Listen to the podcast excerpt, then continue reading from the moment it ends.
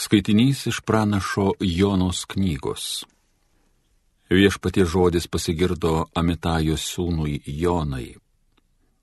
Leiskis kelionin, nuvyk į Ninive, tą didelį miestą, ir skelbk jam grėsiančią bausmę. Mane mat pasiekė žinia apie jo niekšiškumą.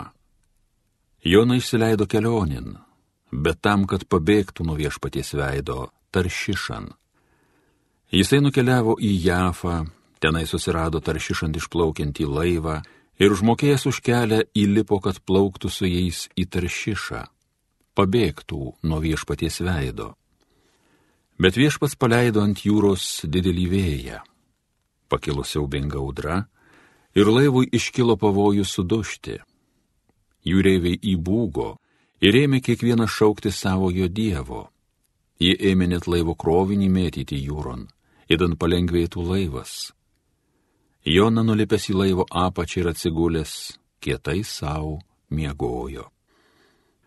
Prieės prie jo kapitonas įkėlė, kaipgi tu gali miegoti, kelkis ir šaukis savojo Dievo, galbūt tas Dievas mus prisimins ir mes nepaskesime.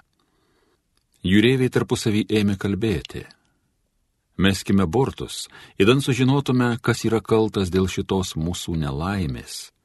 Jie metė burtus ir tie parodė Joną. Tada jie pradėjo jį kamantinėti.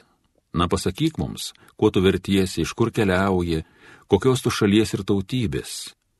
Tas jiems atsakė, esu hebrajus ir garbinu Jahvę, dangaus Dievą, kuris padarė jūrą ir žemyną. Tada įsibaiminė vyrai jį klausė, kodėl tu tai padarėjai? Mat jau žinojo jie, kad tas bėga nuo viešpaties veido nes buvau jiems tai pasisakęs. Jie tarė, ką su tavi mums daryti, kad jūra nurimtų ir nuo mūsų atstotų. Mat jūra siautėjo vis smarkiau. Anas atsakė, imkite mane ir įmeskite jūron, kad toji nurimtų, nuo jūsų atstotų.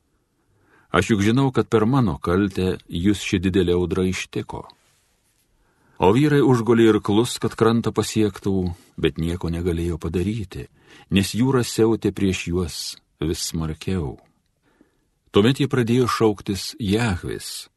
Viešpatie, neleisk mums pražūti per šitą žmogų ir to, ką dabar padarysime, nepalaikyk mums nužudimo. Viešpatie, tu pasielgiai, kaip panorėjai.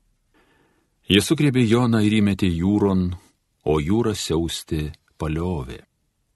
O vyrai labai įsibaimino viešpaties, jie paukojo viešpačiui atnašą ir daug įžadų jam padarė. O viešpats atsiuntė didelę žuvį ir toji Jona prarijo. Jona prabuvė žuvies pilve tris dienas ir naktis. Žuvies pilve Jona meldėsi viešpačiui, savo dievui. Ir viešpats įsakė žuviai atrijus išmesti Joną į krantą. Tai Dievo žodis.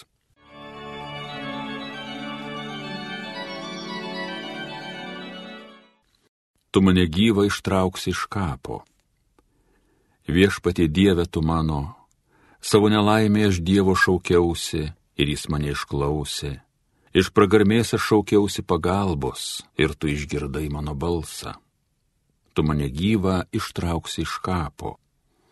Tu mane įmetė į jūron, į pačią jos gelmę. Visa mane vandens rautai užliejo, tavusios bangos virš manęs rytos, tavo verpetai virš manęs supus, tu mane gyvą ištrauksi iš kapo. Aš pagalvojau, iš tavo akių pavarytas, kaip be galėsiu tavo šventovę regėti. Tu mane gyvą ištrauksi iš kapo. Sielvartui spaudžiant, prisiminiau Dievą, mano malda jo šventyklon veržys. Tu mane gyvą ištrauksi iš kapo. Alleluja.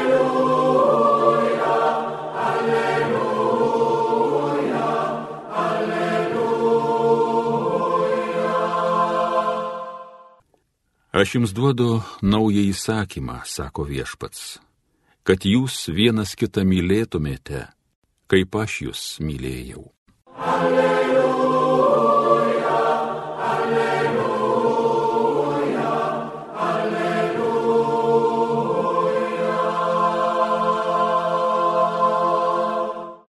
iš Evangelijos pagal Luką. Štai atsistojo vienas įstatymo mokytojas ir mėgindamas jį, Jėzų, paklausė, mokytojau, ką turiu daryti, kad laimėčiau amžiną į gyvenimą? Jėzus tarė, o kas parašyta įstatymę, kaip skaitai? Tas atsakė, mylėk viešpatį savo Dievą visą širdimi, visą sielą, visomis jėgomis ir visų protų, o savo artimą kaip save patį.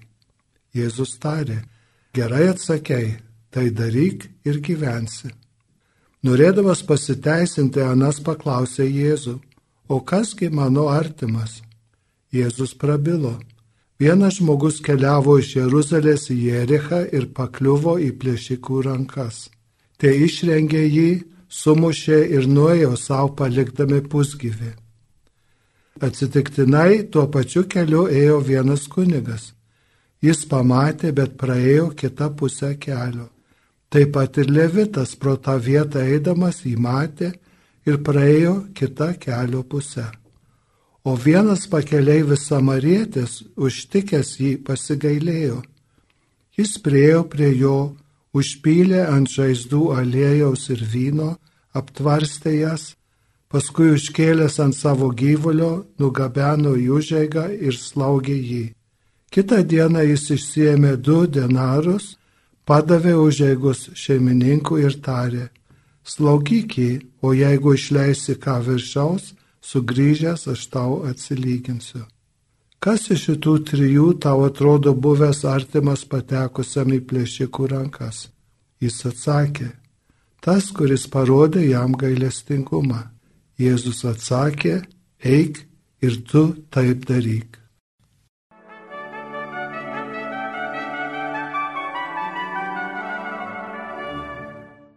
Mums gali būti šitas Jėzaus palyginimas, pasakojimas apie gerąjį samarietį, dar geriau suprantamas, beveik priešais Marijos radijos stotelę, prie kavinės laukia sėdim dviese ir šnekamės ir staiga pravažiuoja paauglys, tai jis paspirtuku.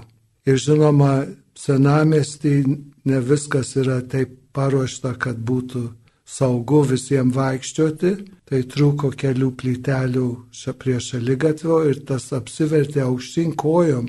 Berniukas keliolikos metų ir guli ir iš lūpų, iš burnos bėga kraujas, nes prakirto pasirodo lūpą. Tai tada kas buvo, jis visai šalia žmonių krito.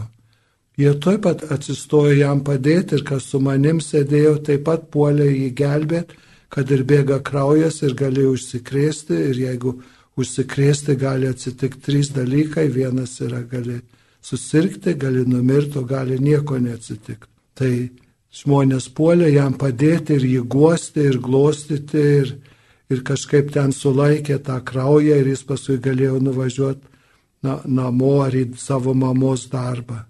Toks labai ryškus, kaip gerasis samarietis žmogus su krauju ir kaip negalima paliesti, jeigu esi kunigas ar levitas, nes ne, tą dieną negalėsi eiti į šventyklą. Esi suterštas, reikia apeigas valytis nuo tos nuo nešvarumo to viso. Tai Ir čia labai skaudus tas pasakojimas kai kuriem, kadangi samarietis ne tik kita tautis, bet ir kitatikis, klaidatikis. Ir štai jis pasigailė. Man užtruko gal 30 metų suprasti, kad Jėzus kalba ne, kad tas sužeistas žmogus yra pakeleivio artimas, bet pakeleivis samarietis save padarė artimą kitam žmogui. Jėzus taip ir sako, bet kažkaip aš niekada nesuprasdavau. Ir yra pavyzdys, kaip Jėzus darė, gydė ligonius, paguodė, atleido nuodėmės, atleidžia nuodėmės ir taip toliau. Ir kad Dievo tauta, tas esam mes, tą patį darom, kad turim taip elgtis, kitiem ištiesti ranką, būti artimi žmogui, žmonėms, kurie yra bėdoj ir kurių aišku pas mus netrūksta. Ir dar kitas atspalvis yra, kad to samariečio Jėzaus pasakojame laukia toks pat likimas kaip ištikimų žydų, ištikimų Jėzaus mokinių. Tai dalyvauti tame išganimo darbe būti Dievo karalystės nariais, būti bažnyčios nariais, kokia be būtų kilmė, kokia be būtų tautybė, visi yra kviečiami būti Dievo tautos nariai ir paveldėti tą, ką Jėzus mums dovanoja, naują gyvenimą, būti pilnai nariais, pilnateisiais nariais bažnyčios, be jokių išimčių. Tai tas tapimas artimu kitam yra ir mūsų, kai mes matom savo aplinkoje, kiek žmonių ištiesia ranką savanoriauti, padėti ir kad ir darbe yra, ar gydytojai, ar slaugės, ar advokatai, ar verslininkai, ar kas maloniai patarnauti, kiekvieną žmogų žiūrėti su pagarba, jau yra gerojo samariečio pavyzdžių vykdomas dalykas nekalbant apie didvyriškus kokius dalykus, bet tie kasdieniai mūsų susitikimai yra būdas mums dalyvauti Jėzaus misijoje uždaviniai nešti gerąją, dalytis gerąją naujieną apie Dievo nesaliginę meilę mums.